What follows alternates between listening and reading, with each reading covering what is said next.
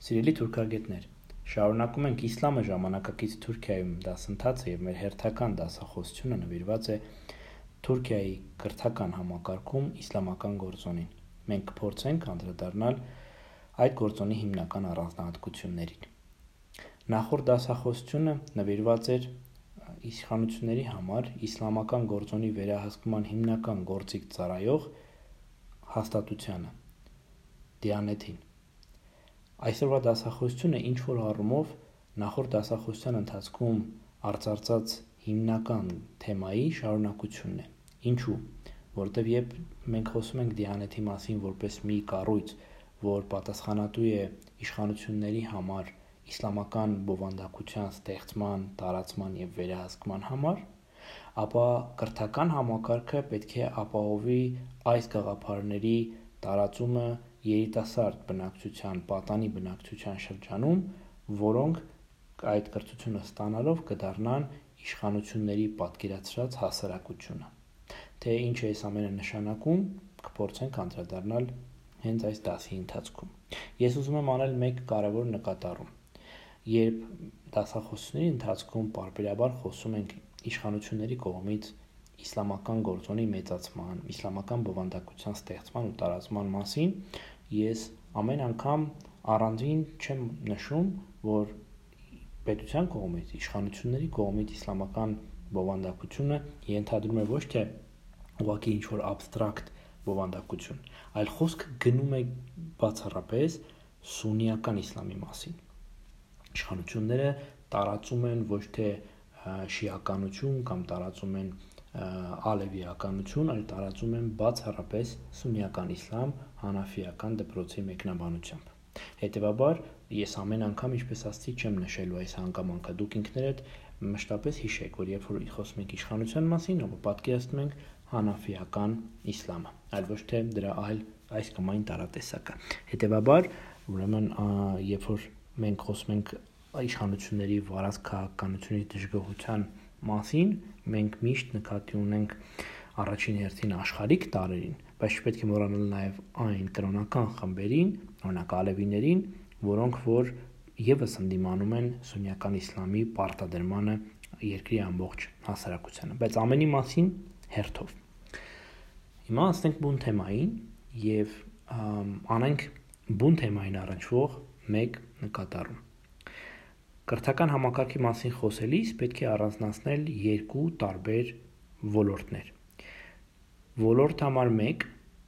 ֆորմալ կրթություն։ Ոլորտ համար 2 ոչ ֆորմալ կրթություն։ Առաջինը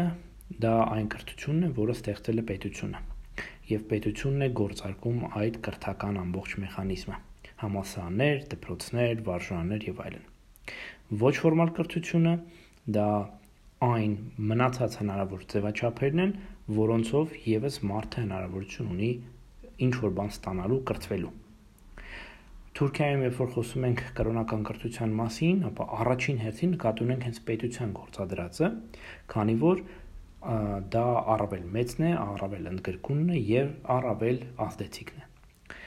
Ոչ ֆորմալ կրթություն կրոնական եւս կա Թուրքիայում։ Օրինակ, կրոնական եղբայրությունների կից գործող տարբեր դասընթացները, երեկոյան դպրոցները, որոնցով մարդիկ օրինակ կարող են գալ եւ դրանց շրջանակներում սովորել Ղուրան։ Դա եւս կրթության ձև է, բայց մեր արժեվ դրված հիմնական խնդիրը հասկանալ թե ինչպես է պետությունը մոտենում կրթությանը, իսլամական կրթությանը։ Եվ այսպես, երբ որ խոսում ենք ֆորմալ կրթության մասին, ապա պետքա պետք է նշենք, որ իսլամական բովանդակություն Թուրքիայի կրթական համակարգում ոչ բարձրագույն կրթական համակարգում ապահովում է երկու հիմնական ձևերով։ Առաջին ձևը դա միջնակարգ սովորական դպրոցներում տարաբնույթ առարկաներն են, որոնք նվիրված են կրոնի այս կամ այն բաղադրիչին։ Օրինակ, միջնակարգ թուրքական դպրոցներում երեխաները, պատանիները սովորում են այնպիսի առարկաներ, ինչպիսին է Փեյգամբերի, իսկն Մարգարեի կյանքը եւ գործունեությունը։ Առարկա է, որը նվիրված է Մուհամեդ Մարգարեին։ Կամ մեկ այլ առարկա, որ նվիրված է ուրեմն ընդհանրապես կրոններին թեև միջազգային զեկույցները պնդում են, որ այդ ընդհանրապես կրոններին նվիրված առարկան նվիրված է ոչ թե ասենք բուդդայականությանը կամ քրիստոնեությանը եւ նաեւ իսլամին, այլ 90%-ով անդրադառնում է սուննիական իսլամին այս առարկան եւ այլն, այլ կան եւս մի քանի առարկաներ, որոնց մի մասը ուրեմն պարտադիր է, բոլորն անցնում են անկախ ամեն ինչից, անկախ դասարանից եւ այլն, եւ մի մասն էլ դրանց կամ ընտրական է։ Սա մեկ բաժին։ Երկրորդը, որ կան առանձին Թուրքիայում հաստատություններ պետության կողմից կառուցված, սարքված, որոնք տալիս են լրացուցիչ կրոնական կրթություն։ Խոսքը իհարկե Իմամ Հաթիբ դպրոցների մասին է, եւ հենց դրանց վրա էլ մենք կենտրոնացնելու ենք մեր ուշադրությունը։ Գերազանցապես, որովհետեւ Այն ոչ միայն մեզ է հետաքրական, այլ նաև վերջին տարիներին հայտնվել է միջազգային մամուլի փորձագետների, ուսումնասիրողների, ինչպես նաև հենց բուն թուրքական հասարակության ուշադրության կենտրոնում, քանի որ գրանցել է շատ յուրահատուկ աճի տեմպեր եւ դարձել է քննարկումների, շարարկումների մեծ առարկա։ Հիմա փորձենք հասկանալ հերթականությամբ դրանցից յուրաքանչյուրի տեղն ու դերը։ Եվ այսպես սկսենք Իմամ Հաթիբ դպրոցներից։ Ինչ են Իմամ Հաթիբ դպրոցները։ Կարծում եմ արդեն իսկ անունը ձեզ հուշում է, որ եւ այս դպրոցների մասին դուք տեղյակ եք այլ դասընթացներից։ Դրանք դպրոցներ են, որոնք պատրաստում են հոգևոր սպասավորներ։ Ինչպես են ցակել դրանք։ Ի սկզբանե, մինչև Թուրքիայի Հանրապետության ստեղծումը, իսլամական աշխարհում եւ այդ թվում Օսմանյան կայսրությունում, որ ներառում էր իր մեջ իսլամական աշխարհի մեծագույն մասը, կրթական համակարգը բաղկացած էր մեքթեբներից եւ մեդրեսեներից։ Տարական դպրոցներ, նո, մեքթեբները տարական, մեդրեսները ավելի բարձր մակարդակի կրթություն ապահովող, որոնք որ ինչպես հայտնի է, գործում են մսկիթներին եւ կրոնական հիմնադրամներին կից եւ ապահովում էին ոչ միայն կրոնական կրթություն, այլ նաև հիմնական գիտելիքներ, որոնք անհրաժեշտ էին մարդուն, եթե նա որոշել էր դառնալ օրինակ առևտրական կամ արհեստավոր։ Երբ Օսմանյան կայսրությունը փլուզվեց եւ հիմնադրվեց Թուրքիայի Հանրապետությունը, Կեմալականների առաջին խնդիրներից մեկն էր ստեղծել արևմտյան տիպի կրթական համակարգ, որը nation state-ի ազգային պետության հիմքերի հիմքն է համարվում, միատար կրթական համակարգ, աշխարհիկ համակարգ, որը պետք է ապահովի ազգային պետության կեսագործունեությունը։ Առաջին գործերից մեկը կեմալականների 1924 թվականին ընդունված օրենքով, որ ենթադրում էր միատարություն դպրոցներում, միջալուց հենց այդպես էլ կոչվում էր մեկ եւ միասնական կրթության մասին օրենք, Այդ օրենքի համաձայն բոլոր ուսումնական եւ գիտական հաստատությունները հանձնում էին ազգային լուսավորության նախարարությանը եւ այդուհետեւ դպրոցը պետք է ունենար 4 հիմնարար այսպես սկզբունքներ դպրոցը պետք ազգային էր դպրոցն աշխարհիկ էր արդիական ու ժողովրդական էր այս պայմաններում բնականաբար իմամ հաթիբ մեդրեսեներն ու մեքթեբները այլևս տեղ չունեին այդ կրթական համակարգում, սակայն այնուամենայնիվ երկրում իսլամական հասարակությունը կամ իսլամ դավանող հասարակությունը գերակշիռ մաս էր կազմում, անհնար էր վերացնել կրոնը եւ պետք էին մարդիկ, սպասավորներ, ովքեր կսպասարկեին այդ մեծ բազմությանը, ինչեւ որ մոդեռնիզացիան նրանց եւս կսարքեր ժամանակակից մարդիկ, ովքեր կարիք չէին ունենա հոգևոր սպասավորների։ Եվ հենց այդ նպատակով մեդրեսեների ու մեքթեբների հիման վրա որոշում է 1924 թվականին, նույն թվականին հիմնադրել այսպես կոչված Իմամ Հաթիբ դպրոցներ։ Այդ ժամանակ այդ անունը ուներ շատ նեղ նշանակություն։ Պատրաստել իմամներ եւ հաթիբներ, այսինքն հոգեվոր կրոնական սպասավորներ, որոնք կսպասարկեին մսկիթներում, ուրեմն եւ ուրեմն մսկիթներում կսպասարկեին մարդկանց, կմատուցեին կրոնական ծառայություններ եւ վերջ մոտարապես 30, եթե չեմ սխալվում, ուղիղ 29 բնակավայր, տարբեր բնակավայրերում հիմնադրվում են Իմամ Հաթիբ դպրոցներ եւ նրանք իրենց գործունեությունը շարունակում են մինչև 1930 թվականը, երբ կեմալիզմի ուժգնացման, ինչպես նաև այդ դպրոցների ոչ պահանջարկ չունենալու ավելի ճիշտ պատճառով դպրոցները փակվում են փակվում են եւ ընդཐུպ մինչեւ 1951 թվականը մնում են փակված 1946 թվականից բազմակուսակցական կյանքին աստիճանական անցմանը զուգահեռ, ինչպես հիշում եք հավանաբար պատմության դասընթացից, տարբեր քաղաքական ուժեր ու գործիչներ սկսում են շահարկել կրոնական կրթության թեման, շատ լավ հասկանալով թե դա ինչ արձագանք է գտնում զանգվածային ընտրողի մոտ եւ արդեն իսկ 46 թվականին հենց ջհՊ-ի կողմից, որը փաստորեն հանել էր կրթական համակարգից կրոնական տարը նորից կրոնական տարը աստիճանաբար շատ փոքր չափաբաժիններով մցվում է կրթական կյանք 1951 թվականին ԴՊ-ի իշխանության գալուց հետո կրթական համակարգում տեղ ունենում լուրջ փոփոխություններ այդ լուրջ փոփոխություններից մեկը կրոնական բովանդակության մեծացումներ դպրոցական առարկայացանկում բացի դրանից ԴՊ-ն վերականգնում է Իմամ Հաթիբ դպրոցները, որոնք աստիճանաբար սկսում են մեծանալ ոչ միայն իրենց լսարանով, այլ նաև իրենց քանակով եւ դառնում են Թուրքիայի կրթական համակարգի անբաժանելի մասերը։ Անցնող տասնամյակներում Իմամ Հատիբ դպրոցները մեծացել են իրենց քանակը եւ վերջին տարիներին հասել են շուրջ 8000 դպրոցի։ Դա ֆանտաստիկ թիվ է, մենք դրա մասին դեռ կհասցնենք խոսել այս այսօրվա դասախոսության ընթացքում, բայց մինչ այդ հասկանանք թե նրանք ինչ բովանդակություն են մատուցում եւ ինչ տեղ են զբաղեցնում ամբողջ համակարգի մեջ։ Դրա համար մեզ պետք է որոշակի կոնտեքստ ավելացնել քաղաքական։ Հենց դա էլ հենց հիմա կանենք։ 2012 թվականի փետրվարին այն ժամանակ դեռ վարչապետ Էրդողանը սկսեց Թուրքիայի ներկայիս կրթական համակարգի բարեփոխումները, որը իր բարերով, եթե ասեմ, նպատակ ուներ, մեջբերում եմ, մեծացնել, դաստիարակել ավանդապահ եւ մակրակենցաղ սերունդ։ Խոսքը այն ուրեմն ավանդապահության եւ մակրակենցաղության մասին է, որը ենթադրում է կրոնական մակրասիրություն իշխանությունները փոփոխեցին կրթական համակարգը դարձնելով այն 4 գումարած 4 գումարած 4 մոդելով աշխատող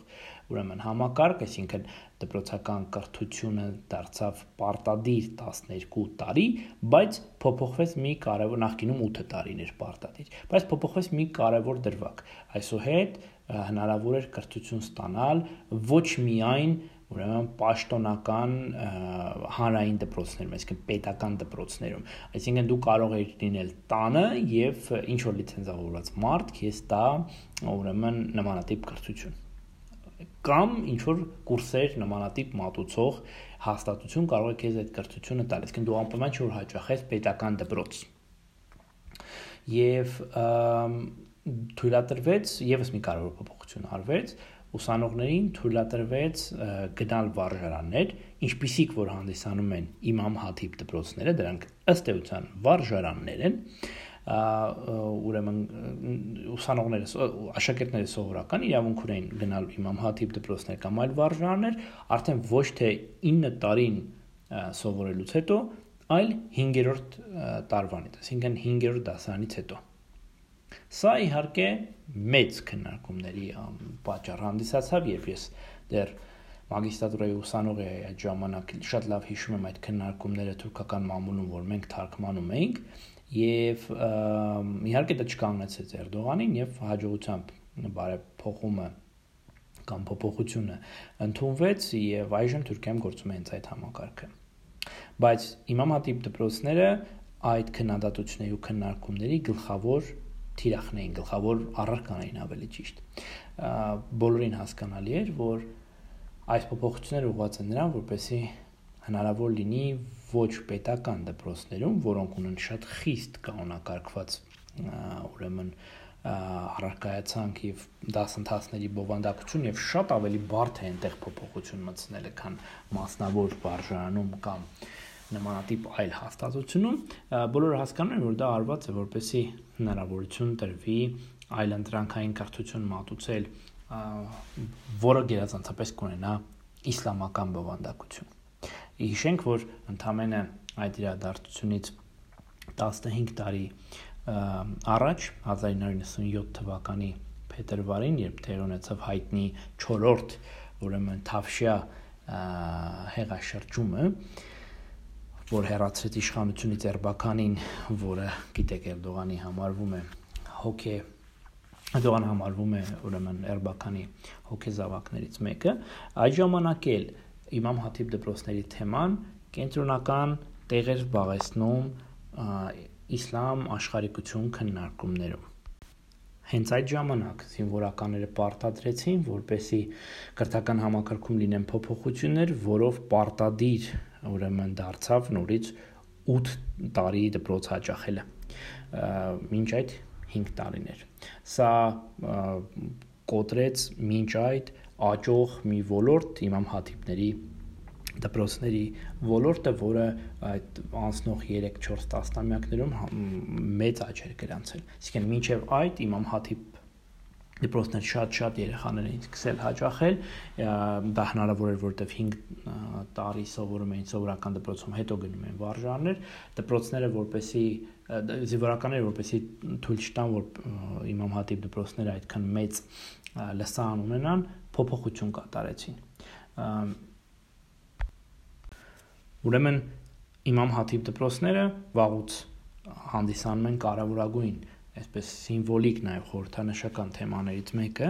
եւ առնչվում են ոչ միայն զուտ կրթական ոլորտին, այլ առնչվում են, ինչպես ասացինք, նաև քաղաքական ոլորտին, որովհետեւ տեսեք 97 թվականի օրինակով մենք տեսնում ենք, որ զինվորականությունը, այսինքն պայմանական կեմալականները եւ իսլամիստները պայքարում են նաև սրա շուրջ, նաև այս իմամ հաթիբների ազդեցության մեծացման կամ նվազեցման համար ինչ են իրենցից ենթադրում այս իմամ հաթիբ դպրոցները բացի նրանից որ մենք գիտենք որ այնտեղ պատրաստում են քարոզիչներ եւ կամ նպատակը եղելի սկզբանե այնտեղ պատրաստել քարոզիչներ եւ իմամներ սրանք իրենցից ներկայացնում են սովորական ակադեմիական դասացանկով դպրոցներ, որոնք բացի սովորական առարկայացանկից ունեն նաև լրացուցիչ ժամեր նվիրված բացառապես կրոնական կրթությանը։ Դա մոտապես 13 ժամ է շաբաթական։ Որպես արդյունք այս դպրոցները փաստորեն կարող են տալ ոչ միայն փաստորեն շրջանավարտներ, ովքեր կդառնան իմամներ կամ քարոզիչներ, այլ ուղակի կավարտեն դպրոց եւ կգնան այս կամ այն մասնագիտությունը ձեռք կբերեն որևէ այլ հաստատությունում։ Այսինքն Իմամ Հաթիբ դպրոցները չպատկեսենք, որ ով ընդունվեց, դառնում է իմամ կամ քարոզիչ։ Ուրեմն Էրդողանի 2012 թվականի նախաձեռնած քրթական բարեփոխումը ուղղված էր այս առումով իմ առաջին հերթին Իմամ Հատիբ դպրոցների հնարավորությունների վերականգնմանը, որոնք փաստորեն խախտվել էին ճակերտներում, խախտվել էին 1997 թվականի ուրեմն պոստմոդեռն Թավշյա հեղաշրջումից հետո Իհարկե Էրդողանը այդ ժամանակ չէր սահմանափակվում միայն Իմամ Հաթիբ դպրոցներով, բավական է նշել, որ հենց այս ժամանակ դպրոցների սովորական դպրոցների կանոնավոր դպրոցների դասացանկի մեջ մցվեցին կամ շատ շատացրեցին պարտադիր այն առարկաները, որոնք անդրադառնում են կրոնական թեմային, օրինակ այսպիսի վերնագիր ունեցող մի առարկա, ուրեմն կրոնական մշակույթ եւ բարոյական արժեքներ։ Այս առարկան, ինչպես որ ամենասկզբում նշեցի, օրինակ ամբողջությամբ իրականում նվիրված է սուննիական իսլամին այս ընթացքում օրինակ ներկայացվեց նաև Ղուրան դասընթացը, որը էլի կամ ընտրական է եւ փաստացի ստացվում է, որ ինչքան էլ որ կամ ընտրական են ընդհանուր այդ բոլոր դասերը, մեկ է ըստ վերլուծությունների սովորական միջին աշակերտը ըստ էության շաբաթական ստանում է շուրջ 6 ժամ կրոնական կրթություն։ Այսինքն սա բավական մեծ թիվ է, եթե նայում ենք աշխարհիկ կրթական համակարգի տեսանկյունից։ Իհարկե այս որոշումից հետո ակնկալվում էր, որ պետությունը ոչ միայն կսահմանափակ ոչ միայն կսահմանափակվի օրենք ընդունելով, այլ նաև կդնի այդ ուրեմն փոփոխությունները իրականացնելու վրա մեծ ֆինանսական հոսքեր, ինչը եւ արվեց։ Եվ Էրդողանը եւ իշխող եւ անձամբ Էրդողանը եւ իշխող ազգ կուսակցությունը արեցին ամեն ինչ, որպեսի այս մասնավոր փաստացի վարժարանները Իմամ Հաթիբ դպրոցները ստանան շատ մեծ ֆինանսավորում ամենատարբեր հիմնադրամներից, դրա համար նույնիսկ գործի դրվեց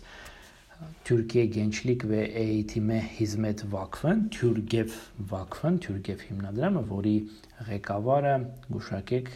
Էրդողանի որդի Բիլալ Էրդողանն է, եւ այս կառույցը ծախսեց միլիոնավոր դոլարներ անցնող տարիների ընթացքում, որպեսզի մեծացնի Իմամ Հատիբ դպրոցների տեղն ու դերը կրթական համակարգում։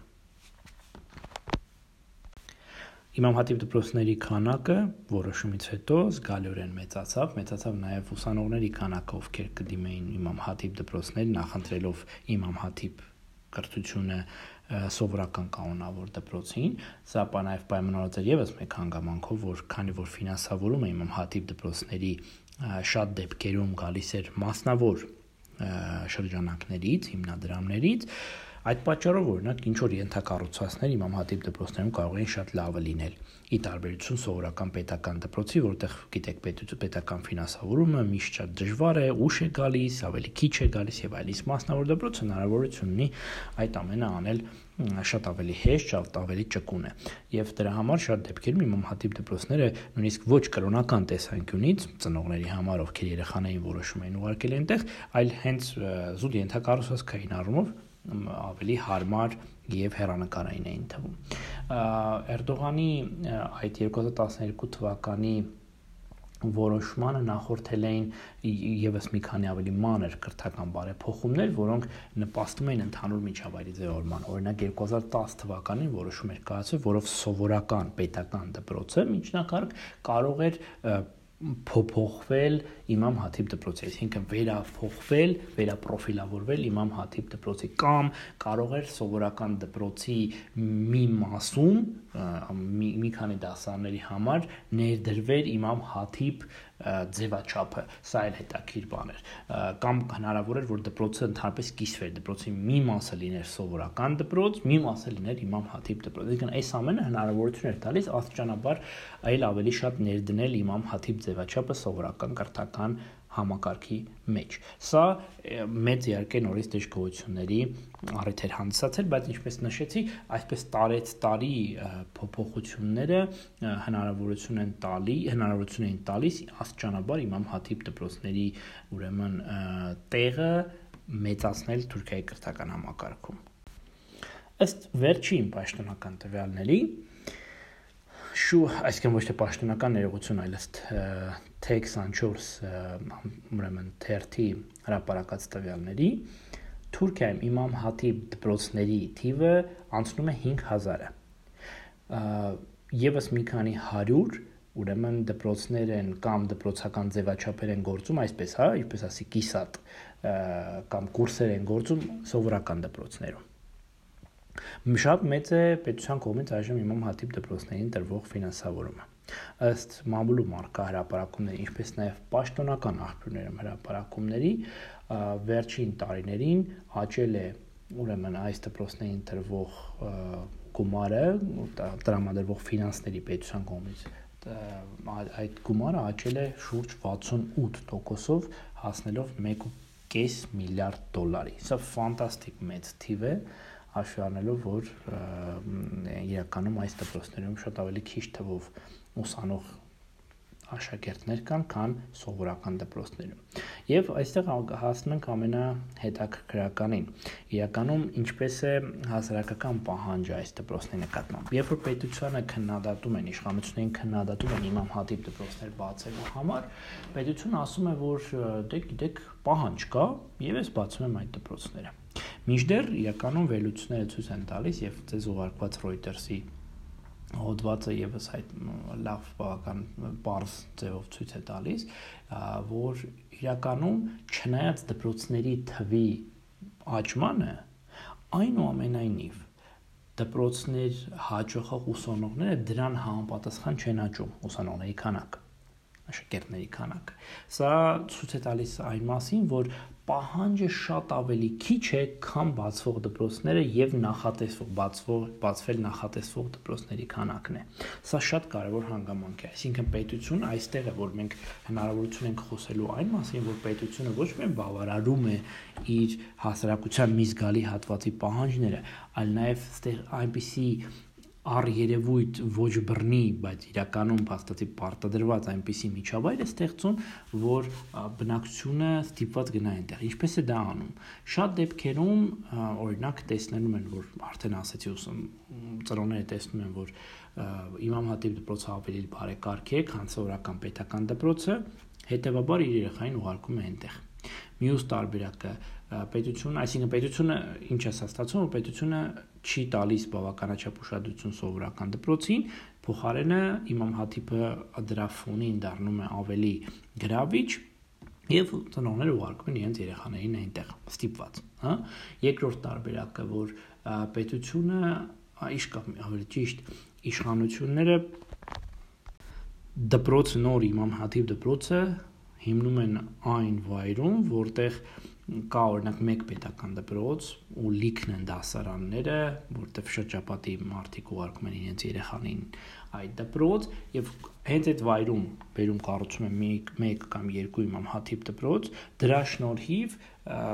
որպեսի լսաները չծանրաբեռնեն եւ այլն ու էլի ծնողները գերադասում են իրենց երեխաներին ուղարկել դեպի այդ դպրոցներ այսինքն իմամ հաթիպը նորից դառնում է ավելի գրավիչ քան որ ուրեմն սովորական դպրոցը պետական սակայն սիրելի ուսանողներ այստեղ կա մի կարևոր հանգամանք որ չնայած իմամ հատիվ դպրոցներին տրվող այդքան մեծ ֆինանսավորմանը եւ օրինակ ենթակառուցվածքների առումով նրանց բավական այսպես գերազանցությանը այնուամենայնիվ օրինակ ցուցաբերած արդյունքներով եւ բարձրագույն ուսումնական հաստատություններ ընդունվելու կարողությամբ այս առումով իմամ հատիբ դպրոցները զիջում են քանի որ ավելի վատ կրթություն են մատուցում, քան որ սովորական պետական դպրոցները։ Սա եւս բնականաբար չի նպաստում, որպեսի այնքան արագ աճի Իմամ Հաթիբ դպրոցներ հաճախող ուսանողների աշակերտների թիվը, քան որ ուրեմն ցանկանում է ինչքան որ ցանկանում է պետությունը եւ մասնապես իշխանությունները։ Եվս մի կարևոր հանգամանք, որ պետությունը ցույց չի տալի որևէ նշան, որ պատրաստվում է հրաժարվել այս ծրագրից։ Եթե նայենք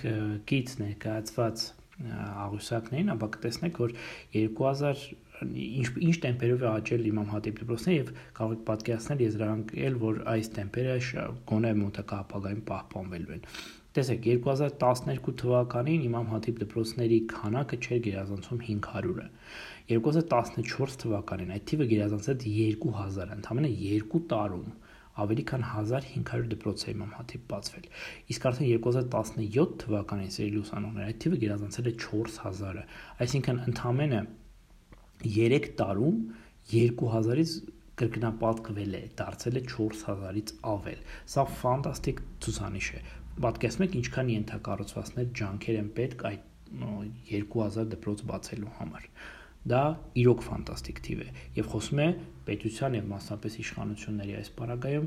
նպատակադրվածության մասին։ Հիմա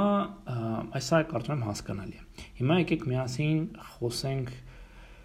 այն մասին, թե որն է այն նպատակը, որ հետապնդում է պետությունը, իրական նպատակը։ Էրդողանի եւ իր թիմակիցների պատկերացմամբ այս դպրոցները հնարավորություն են տալու մեծացնել դաստիարակել այնպիսի երիտասարդություն, որը կլինի իրենց նախ մշտական ընտրազանգվածը, որը կողջունի իրենց վարած քաղաքականությունը եւ ինչու առումով կլինի յուրային։ Հիշում եք մենք այս յուրայինի թեմային անդրադարձել ենք այլ առիթներով։ Ինչ է սա նշանակում։ Այսինքն ես դաստիարակում եմ այնպիսի սերունդ, որը հավատարիմ է լինելու ին վարած քաղաքականությանը։ Ինչու է սա կարևոր։ Որտեվ իսլամիստները միշտ համարում էին, որ քեմալականների հաջողության գրավականը ստեղծված ամուր կրթական համակարգն է։ Այդ կրթական համակարգի միջոցով իրենց պատկերացմամբ կեմալիստները փոխել են Թուրքիայի բնակչության ինքնությունը։ Հետաբար իրենք պետք է վերադարձնեն այդ ինքնությունը հետ եւ դրա համար ինչ է պետք անել, դժվար է քանդել աշխարհիկ կրթական համակարգը, դա կքննադատվի ոչ միայն ներսում, այլ նաև դրսում, դրա համար պետք է ստեղծել սեփական կրթական ցանցը։ Սա ինչ որ առումով նման է մի տեսակ ընդհատակյա պատերազմի, ճիշտ է, կամ ընդհատակյա պայքարի։ Պատահական չէ իմ ասած այս նմանությունը, որովհետև ըստ էության իսլամիստները դա սովորել են այ հենց իրենց վարած ընդհատակյա պայքարի ընթացքում երբ որ իրենց պետք է ձևավորել ցանցեր դրանց մասին մենք խոսել ենք սոցիալական ցանցեր դասի ժամանակ պետք է ձևավորել ցանցեր որոնք կօգնեին տարածել սեփական գաղափարախոսությունը օգնել միմյանց եւ առաջ տանել սեփական ուրեմն գաղափարները դա հաջողությամբ անում էին մի քանի եղբայրություններ դրանցից ես ուզում եմ առանձնացնել դες քաջացանոթ Ֆեթուլահ Գյուլենին եւ իր ստեղծած եղբայրությունը, որը մեծ գումարներ էր ներդնում կրթական համակարգում եւ դրա արդյունքը գիտեք հազարավոր դպրոցներ, ուսանողական ցանցեր, համասաներ եւ այլն ամբողջ աշխարհով մեկ Երկրորդ եղբայրությունը դա Սուլեյմանջելն է, Սուլեյմանջե եղբայրությունն էր, որը եւս մեծ ուշադրություն էր դարձնում կրթությանը, բայց մի քիչ այլ ձևով։ Եթե գյուլենականները գերազանցապես աշխարհիկ ոչի կրթությանն էին ուշադրություն դարձնում, ապա Սուլեյմանջը եղբայրության ներկայացուցիչները առաջին հերթին կենտրոնացած էին Ղուրանի կուրսերի վրա եւ այդ առումով մինչեւ այլ հաջողակ են։ Այստեղ հետաքրական է, որ այն հիմնական եղբայրությունը, որը քաղաքական ասպարեզ է նետել այսօրվա գործիչներից շատերին, որոնք ունեն իսլամ իսլամիստի համարում, Նեջբեդին Էրբականից սկսած Թայիպ Էրդողանով վերջացրած Իսկենդեր Փաշա ջեմաաթի ուրեմն ջեմաաթը երբևէ ուշադրություն չի դարձրել կրթությանը, հետեւաբար նրա հետևորդների քանակն է միշտ քիչ եղել, որովհետև ճունի հետևորդների բանակ չի աշխատել այդ ուղությամբ։ Եվ միևնույն ժամանակ ուրեմն այդ պատճառով էլ ինքը ուրեմն շունի այսօր էլ այն մեծ բազան, որ կարող է իշխանությունները, որոնք այդ ջեմաաթի զավակներ են, չի կարող դա ծառայեցնել պետություն։ Իսկ Թուրքիայի նման երկրում գիտեք, որ համայնքն է ամենակարևորը, որի վրա պետք է հիմնվի իշխանությունը։ Եվ հենց սա է պատճառը, որ որ Էրդողան եկավ իշխանության, նա ստիպված էր ճուզենալով էր, ճուզեն, եթե ճուզենար էլ նույն մեկը պետք է համ պետք է համագործակցեր գյուլենականների հետ, որովհետև գյուլենականների հատկապես ստեղծած ցանցը ֆանտաստիկ էր իր ծավալներով, իր ազդեցությամբ եւ իր նշանակությամբ։ Շատ լավ հասկանալով այդ ամենը Էրդողանը ամեն ինչ անում է, որպեսզի ներկայումս ստեղծի այդ նմանատիպ այդ նույն ցանցը այս անգամ դրա համար օգտագործել իրեն շատ ավելի հոգեհարազատ Իմամ Հաթիբ դպրոցները ինչու հոգեհարազատ որովհետև ինքն էլ Իմամ Հաթիբ դպրոցը ավարտած նախքին աշակերտ է։ Դրա համար էլ Էրդողանի կողմից այս ամենը նաև ինչ որ առումով ընկալվում է որպես անձնական պատկերացում, թե ինչ է պետք անել լրացնելու համար ստեղծված բացը։ Ընդ որում ուշադրություն դարձրեք, որ խոսքը ոչ միայն զուտ ընտրազանգվածի մասին է։ Պետք են մարդիկ, չէ, մեծ պետությանը, որպեսի պետք են կադրեր, որպեսի դրանք աշխատեն բյուրոկրատիայում, ապահովեն գաղափարների իրականացումը, ապահովեն այդ իշխանության լիարժեք իշխանության տարածումը ամբողջ երկրով եւ դրա համար պետք են վստահելի կադրեր։ Այդ վստահելի կադրերը առաջ ապահովում էր Գյուլենը իր մեծ ցանցով հիշում եք նրանց ներգրավումը երկրի տարբեր ոլորտներում։ Երբ որ Գյուլենին հերացվեցին 2016 թվականից այդ բացը աստիճանաբար ըստ Էրդողանի պատկերացման պետք պետք է լրացնեն իր սեփական պաստորեն դպրոցական համակարգի Իմամ Հաթիփի շրջանապարտները, որոնք նաև հետո կանցնեն AKP-ի, ուրեմն ԱԶԿ-ի դարբնոցով իմիջիալոց այս առումով Սուլեյման ջները ի տարբերություն գյուրանականների չնայած փորձել են Էրդողանից իրենց անկախությունը պահել, բայց իրենք մնացել են իշխանությանը լոյալ 2016 թվականից հետո եւ պատահական չի, որ այժմ իրենց հենց Սուլեյման ջների ներկայացուցիչներն են աստիճանաբար կա ասել եմ ձեզ սրա մասին ներգրավում կրթության ուրեմն նախարարության բյուրոկրատական շրջանակներում, այսինքն աստիճանաբար այնտեղ գտնվող մարդիկ, ներդրվող մարդիկ մեծամասնություն են սկսում կազմել նրանք ովքեր որ Սուլեյմանջա համայնքից են, ինչպես նաև հենց Դիանեթում, սա էլ հետաքրքրական տենդենց է, որի մասին արժե առանձին հիշատակել։ Բացի Իմամ Հաթիբ դպրոցներից իշխանությունների համար շատ կարևոր էր ստեղծել կամ օժանդակել այն հիմնադրամներին կայացմանը, որոնք որ մեծ ներդրումներ կանեին կրթական ոլորտում այդպիսի հիմնադրամներից մեկի անունը ես արդեն հիշատակեցի Թյուրգև հիմնադրամը, որ ղեկավարում է Պաստորեն Էրդողանի ընտանիքը, թե իր որդին, թե իր դուստրը ուրեմն ներգրաված է այս գործում, ներգրաված են այս գործում եւ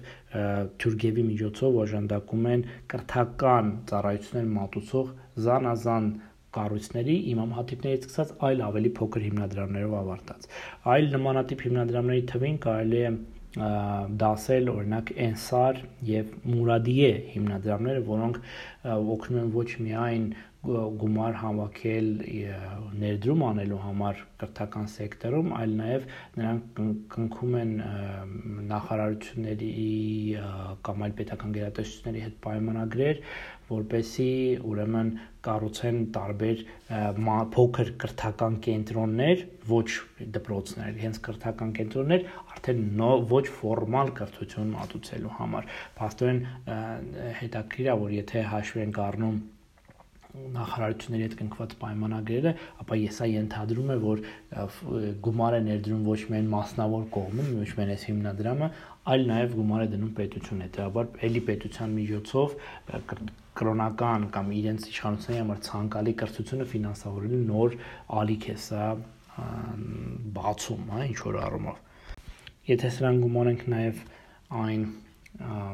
օդիոզ իրադարձությունները, երբ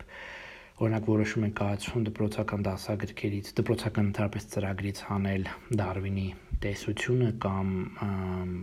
որոշում են ավելի քիչ ժամանակ տրամադրել տեխնոլոգիական բնույթի դասերին,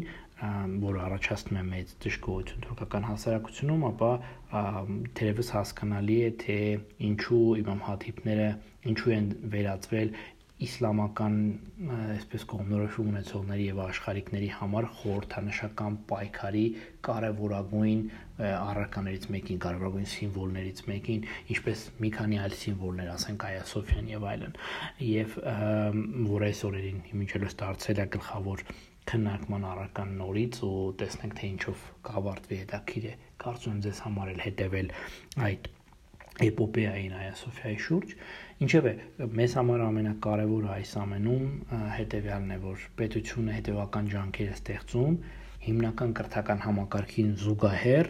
նոր տիպի կրթական համակարգի ձևավորման համար, որը հիմնված է Իմամ Հաթիբ դպրոցների վրա, որոնք որ ստանում են մեծ ֆինանսավորում, աջակցություն պետության եւ մասնավոր տարբեր ուժերի կողմից, եւ սա հնարավորություն է տալիս իշխանությունների պատկերացմամբ ձևավորել սեփական աշխարհայացքը, գաղափարախոսությունները կրկնօրինակող հասարակություն եւ այդ հասարակությունը ըստ իրենց պատկերացմամբ իրական թուրքական ինքնությունը պահպանող եւ զարգացնող հասարակությունն է։ Այսինքն հասարակություն է, որի համար իսլամը կարևորագույն արժեք է, այլ ոչ թե իրենց պատկերացմամբ մոդեռն, արևմտականացված դպրոցների շրջանավարտ երեխա է, որը Էրդողանի բարերով ասած ուրեմն գտնվում է անհավատների ազդեցության տակ ոչ ֆորմալ կրթությանը, ինչպես արդեն ասեցի, գերազանցապես այսպիսի կրթական կենտրոններում է մասնավոր տեղի ունենում, ինչպես նաև եղբայրություններին կից տարբեր դասընթացների շրջանակներում ես առիթ ունեցել եմ 2015 թվականին այցել այդպիսի մի հիմնադրամին կից դասընթացների, Կուբե 6 բան, ուրեմն Վակֆի կազմակերպած երեկոյան դասթասներին, որոնք նվիրված են Օսմանյան կայսրությանը, որտեղ գալիս էին սովորական ուսանողներ, աշակերտներ, սովորում էին ուրեմն Օսմանյան կայսրության պատմություն, սովորում էին Օսմանյան կայսրության մշակույթ, օսմաներեն եւ այլն։ Կուբե 6-ն իմջելուց զարգացրել է ամենալավ on-line բառանը օսմաներենի, եթե ինտերնետում փնտրեք, հեշտությամբ կգտնեք եւ այդ ամենը շատ գրավիչ, շատ լավ միջավայրում ոչ մի առանձնահատուկ այսպես կրոնական դու չես զգում հատուկ պարտադրանք քո հանդեպ, բայց ընդհանուր առմամբ կրոնը դառնում է քո ինչպես ասում են անգլերենում religion friendly, այսինքն դու սովորում է քո դու սովորում ես նրան, որ անընդհատ հիշատակվում է կրոն, անընդհատ հիշատակվում է Աստված, անընդհատ հիշատակվում է Փեգամբեր եւ այլ անունները եւ դա քո համար դառնում է ամենօրյա մի մաս, անկախ քեզնից դու դրա մեջ ներառվում ես։ Հետևաբար ոչ ֆորմալ կրթությունը եւս ունի բավական մեծ լսարան եւ շատ ավելի դժվար է դա ֆիքսել թվեր ներկայացնել, քան որ մենք խոսում, երբ որ մենք խոսում ենք պետական կրթական համակարգի մասին։ Եվ վերջապես պետք է անպայման ասել, որ թուրքական այս նախաձեռնությունները դուրս են գալիս Թուրքիայի սահմաններից եւ ընդգրկում են նաեւ այն համայնքները, որտեղ որ այն թուրքական սփյուռքյան համայնքները, ինչպես նաև որոշ նախաձեռնություններ իրականացվում Աֆրիկայում, Սոմալի եւ այլն երկրներում։ Որպես հետազոտող ինձ հետաքրքրում է եւ կարծում եմ ձեզ համար կարող է հետաքրքրան հետաքրական լինել մտածել հետեւյալ հարցի շուրջ։ Ինչ ապագա կունենա իմ համատիպ դպրոցները, եթե ինչ որ հրաշքով կարելի ասել Էրդողանը կորցնի իր իշխանությունը 2023 թվականին, ինչ փոփոխություն կլինի։ Արդյոք դրանք կմնան այնքան ինչքան որ կան, թե կնվազեցնեն, թե ընդհակառակը կաճեն։ Սա շատ հետաքրքրական հարց է մտածելու համար, հաշվի առնելով այն հանգամանքը, որ եթե նայում ենք ցուցանիշներին, տարբեր հարցումներին, հասարակական կարծիքի, ապա կրոնը թեկուզ շատ քիչ տոկոսով, բայց այնուամենայնիվ աստիճանաբար երիտասարդության շրջանում իր դերը նվազեցնում է։ Սա գլոբալ տրենդ է, ամբողջ աշխարհում կա այդ տրենդը, մարդիկ շատ ավելի քիչ թվով մարդիկ են ամեն տարի համարում, որ իրենք հավատում են այս կամ այն կրոնին կամ հետևում են այս կամ այն կրոնին, Թուրքիան բացառություն չէ եւ հետաքրիր է տեսնել ուրբանիզացիային զուգահեռ ինչպես է փոխվելու ընդհանրապես կրոնի հանդեպ տրամադրություններ եւ ինչպես դա կանդրադառնա մասնապես կրթական համակարգի վրա, թեև ինչ որ առումով այս ամենը փակ շղթա է, եթե կրթական համակարգը աշխատի այդ ուղությամբ դժվար կլինի, ուրեմն ավելի դժվար կընթանա դե կրոնականացումը, այսինքն դե սակրալացումը մարդկանց մոտ եւ հետեւաբար ավելի ուրեմն դանդաղ կլինեն ցուցանիշները ավելի դանդաղ կաճեն։ Տեսնենք, այսքանով կրթական համակարգի մասին մեր դասախոսությունը ավարտվեց։